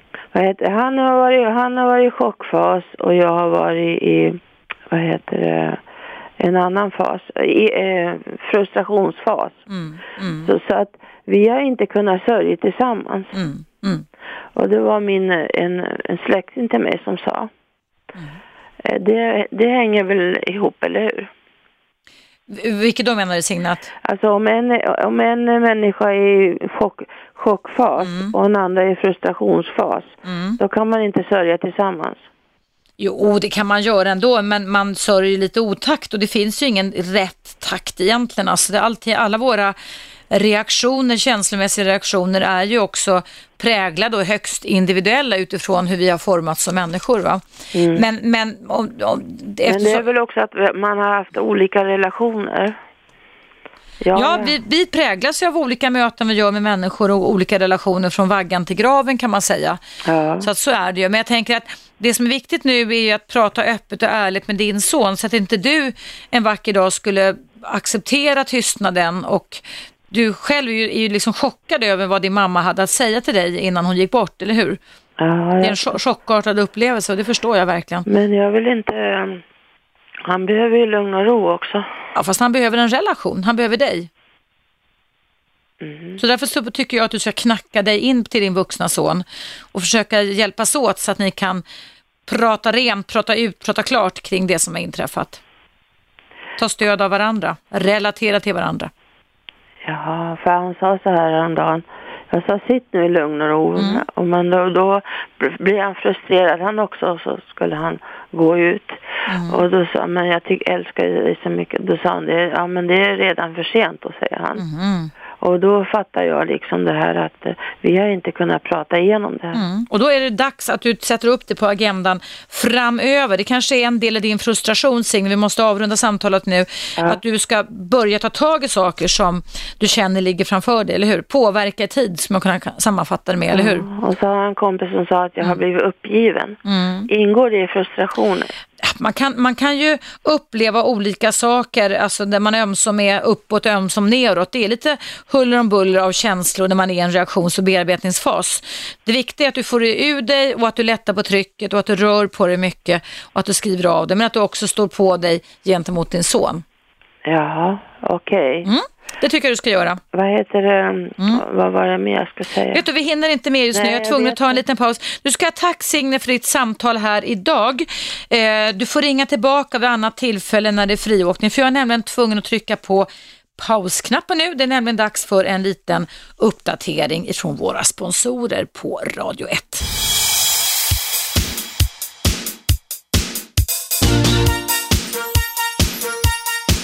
Radio 1. Eva Russ. Välkomna tillbaka. Ja, det är friåkning idag och i pausen så hade jag en anonym kvinna. Jag ber om ursäkt för att jag fick lägga på luren men jag måste också haka på när reklamen är slut här på Radio 1 som ville ha hjälp med kärlekslivet som har levt ett trasigt liv och känner sig ganska ledsen. Jag hörde att du faktiskt nästan grät här i luren. Men du vill inte vara med i radion så då får jag bara ge dig ett allmänt råd, eller du som känner igen dig i det här, att sök hjälp. Eh, sök en kognitiv psykoterapeut. Eh, jag rekommenderar det eftersom jag är den åsikten att det är en av de bästa terapiformer som har kommit. Jag är själv även utbildad i psykodynamisk.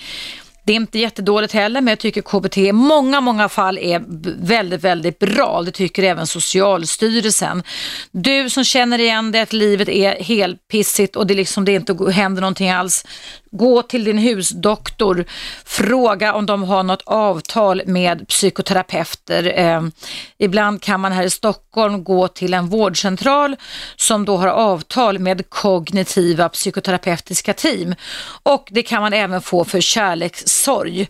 Eh, man kan få gå mellan fem och tio gånger i landstingets regi och det är en otrolig förmån faktiskt. Eh, du betalar bara upp till ett eh, frikort, ett landstingsfrikort. Alltså det är väl 900 kronor nu. Det är vad det lägst kostar om man går till en privat vårdgivare, alltså en psykoterapeut eller psykolog som har egen mottagning och som inte är ansluten till landstinget. Så det är en otrolig, otrolig förmån. Pröva med det. Eh, jag Många terapeuter har anknytningsinriktning, alltså där man kan se där det blir problem i kärlekslivet, har oftast och kan oftast kopplas till eh, upplevelser av bristande tillit och annat i barndomen. Så att ehm, eh, sök hjälp innan det är för sent. Om vi inte kan få våra rol, relationer att fungera så får vi liksom ingenting att fungera egentligen eftersom relationer är så centrala för oss människor och livet. Ja, jag kan ta in ett samtal till. Det blir nog det sista samtalet här på Radio 1. Ska se vem det är som finns på tråden. Hallå där, vem är där? Hallå? Nej, då var det någon som la på. Då tar jag inte in några mer samtal, men jag ska läsa upp några korta lyssnarmail. Ni vet ju att ni kan mejla till mig på mejladressen evaradio1 gmail.com och det kan ni göra även när inte jag är här andra tider på dygnet. Det kommer direkt in i min telefon i alla fall. Det här är från Charlotte. Det står så här. Hur kommer det sig att en person som är rädd för närhet i en kärleksrelation trots över tre år i terapi och ett stort antal terapeuter fortfarande är lika rädd. Antingen är det väl dåliga terapeuter tror jag, eller så är det så att han byter så fort terapeuten kommer nära. Han har aldrig knutit an till en kvinna som liten eller i alla fall alltid blivit avvisad. Hälsningar Charlotte. Ja, du är väl eh, boven på spåren Charlotte. Eh, jag har faktiskt skrivit om den här typen av beteenden i min senaste bok Varför hatar män kvinnor som älskar dem? Där kvinnorna i den boken förgäves släpade sina män till terapeuter och männen lovade att de skulle vara goda klienter. Men eh, det spelar ingen roll hur många gånger de släpade sina män till terapin så skedde ingen förändring ändå. Eh, jag har själv även personliga upplevelser av detta att eh, en person eh, går i terapi för husfridens skull men inte för sin egen inre motivations skull. Och då kan man alltså sitta där och antingen blända terapeuten, man kan få bekräftelse på sin egen ståtlighet och stilhet och man kan eh, mörka för terapeuten. Eh, det är ju inte så att man tar något sanningsserum när man går till en terapeut i kombination med att det givetvis kan vara skitdåliga terapeuter också. Det finns skitdåliga terapeuter också som eh, inte sätter fingret på vad problemet egentligen är. Eh, själv om jag brukar få sådana förfrågningar, nu tar jag inga terapier här under våren, så brukar jag ju ifrågasätta om någon söker upp mig, varför de har gått tre år i andra terapier och inte lärt sig någonting om sig själv. För det är nämligen vitsen det när man går till familjerådgivning som jag började prata om idag, eller till en sån som mig, att man ska lära sig någonting om sig själv. Man ska lära sig att förstå sig själv bättre. Det är liksom själva vitsen. Och är det då så att man som Charlottes man här då har gått i terapi i tre år och är lika rädd för att knyta an och eh, inte har förändrat någonting, då är det ju antingen bra, dags att byta terapeut eller att inse att din partner inte har lust att bli förändrad. Den här rädslan kan sitta så implicit, alltså så omedvetet djupt, så att din partner likt eh, många personer jag har mött i terapirummet blir så rädda så att de springer därifrån som jagade av vargar så fort som närhet kommer på tal. Och det finns väldigt många människor, tyvärr, som är extremt närhetsrädda. Så på en förnuftig nivå så vill då Charlottes man och de som känner igen sig det här ha närhet. Han vill ha närhet, men på en känslomässig nivå så klarar han inte närhet utan blir skitskraj och springer eh, så det ryker. Men då kan man också ta sats ibland, så när personen i fråga har sprungit långt bort, så långt den någonsin kan, så vilar han upp sig lite och så tar man ny sats igen och så tar man, sats, tar man sats igen och så kan man ibland läsa på repliker ur Hollywoodfilmer hur kärlek ska eh, upplevas och visas. Så man kan lära sig på en procedurnivå hur man ska bete sig och då tror ju motparten att nu har äntligen poletten trillat ner. Nu har äntligen min partner begripit hur vi ska omfamna varandra, hur vi ska relatera till varandra.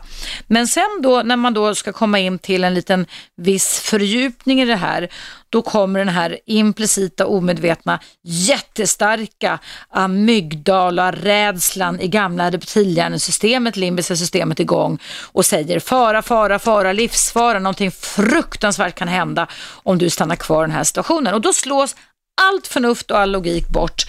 Och då springer vederbörande, det kan vara en kvinna också förstås, långt och tjotta hit och kommer aldrig mer tillbaka förrän de har vilat upp sig. Och den här olustiga pardansen, Charlotte och ni som känner igen er i den, jag har själv varit inne i en sån, den kan hålla på alldeles för många år och blir bara ett eländes elände. Eh, mitt råd är att ge upp medans tid är och rikta näsan mot någon annan bättre lämpad partner. För att eh, det här är människor som är så svårt brända i sitt tidiga relationsliv med sina kontakter med mamma och pappa. Så att jag tror faktiskt att man ibland får lov att ge upp kampen kring det här. Eh, det värsta är väl att de som beter sig på det här sättet, som anden i flaskan, liksom gubben i lådan, som Charlotte beskriver, själva har en längtan efter att få uppleva en kärleksrelation, för det är det man inte fått göra som barn. Men när man håller på och även går i terapi och det ingenting händer, då är det ju dags att säga yes, goodbye tycker jag. Om det håller i sig år efter år, alltså när inte mönstren, det sker inte dugg uns förändring, då är det faktiskt dags att lägga ner tron till att det ska kunna bli så mycket bättre. Det är i alla fall min åsikt kring Charlottes mejl. Jag såg att jag fick in flera andra mejl från Johan och flera stycken till. Jag är hemskt ledsen men programtiden idag börjar rinna mot sitt slut så att jag hinner faktiskt inte kommentera dem. Men eh, jag kommer att göra det nästa gång det är friåkning och det har jag ju då en gång i veckan i alla fall. Eller också så gör jag ett ämne kring detta och jag kan också passa på att efterlysa och säga det att om det är någon, något par av er som skulle vilja vara med i parterapi i direktsändning här på Radio 1, precis på samma sätt som när vi efterlyste det i höstas fick Gaz istället, så hör av er till oss här på Radio 1. Mejla till min hemsida evaradio1 gmail.com eller ring in till våran tipstelefon 0200 11 12 12 där vi har en telefonsvarare som står på dygnet runt. Ni kan vara med här anonymt, det kostar ingenting, men ni kan då få KBT-behandling mot ja, enklare parproblem om ni skulle önska det. Jag tror att det är många som skulle tycka att det var kul att få lyssna på det här i direktsändning på Radio 1. Så ta er en funderare om ni vill vara med. Ni kan vara helt anonyma alltså. Nu är det dags för mig att sätta punkt. Vill du lyssna på det här programmet i repris, Eva Russ, så går det alltså varje vardag klockan 19.00. Och alldeles strax så lämnar jag över till ett program som heter Best of Aschberg, alltså Best of Robert Aschbergs program. Det kör alldeles strax igång här på Radio 1 mellan 12 och 13. Stanna gärna kvar och lyssna på det. Och mig kan du lyssna på igen imorgon klockan 10.00 igen. Då har jag ett nytt spännande relationsämne som jag kommer ta upp då. Jag hoppas givetvis på återseende och återhörande och tackar alla er som har lyssnat och mejlat och ringt in till mig idag. Ha en jättebra dag och på återhörande klockan 10 imorgon igen. Hej då! 101,9 Radio 1 Sveriges nya pratradio